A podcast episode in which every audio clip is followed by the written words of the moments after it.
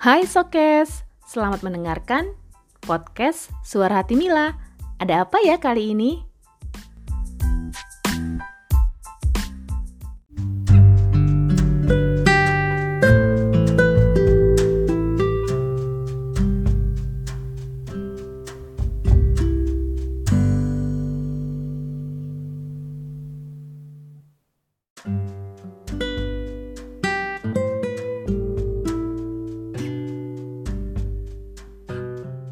Hai Sobat Podcast, apa kabarnya? Semoga selalu dalam keadaan sehat ya. Masih di event Pejuang Kebaikan, kali ini dengan tema permohonan maaf. Untuk permohonan maaf ini, Mila mempunyai salah satu tulisan Mila yang ada di Instagram Mila yaitu @mila underscore aziz yang judulnya Forgiven but not forgotten. Mila akan bacakan ya. Sisa rinai hujan yang turun masih terus membekas, meninggalkan dingin yang menyesap ke dalam tubuh. Begitu pula layaknya sebuah perkataan. Jika kita memberikan kata-kata yang baik, pasti akan meninggalkan kenangan indah. Tetapi, jika kata-kata itu diucapkan dengan kasar, bahkan tidak menghargai seseorang, pasti itu pun akan membekas entah sampai kapan. Walaupun terkadang sudah memaafkan, tetapi tidak melupakan. Bukankah sering kejadian seperti itu? Maka, berhati-hatilah dalam menyampaikan perkataan apa pun.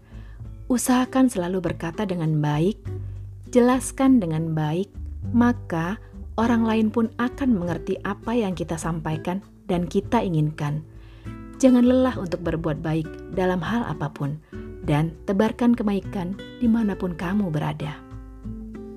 Itu saja cerita Mila. Dan selanjutnya menurut Mila, memang sih memaafkan itu bukan hal yang mudah. Tetapi untuk memperindah masa depan kita, lebih baik memaafkan. Karena menurut Mila, memaafkan itu melepaskan.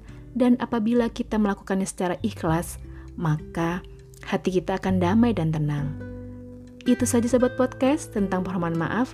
Mila juga mohon maaf apabila Selama dalam podcast ini terdapat kata-kata yang kurang mengenakan atau kurang nyaman didengar.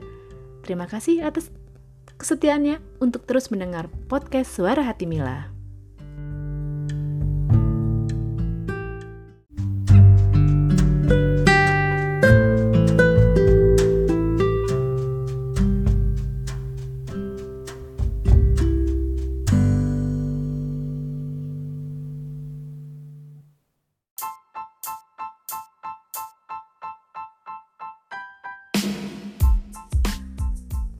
Gimana? Sudah pada dengerin kan?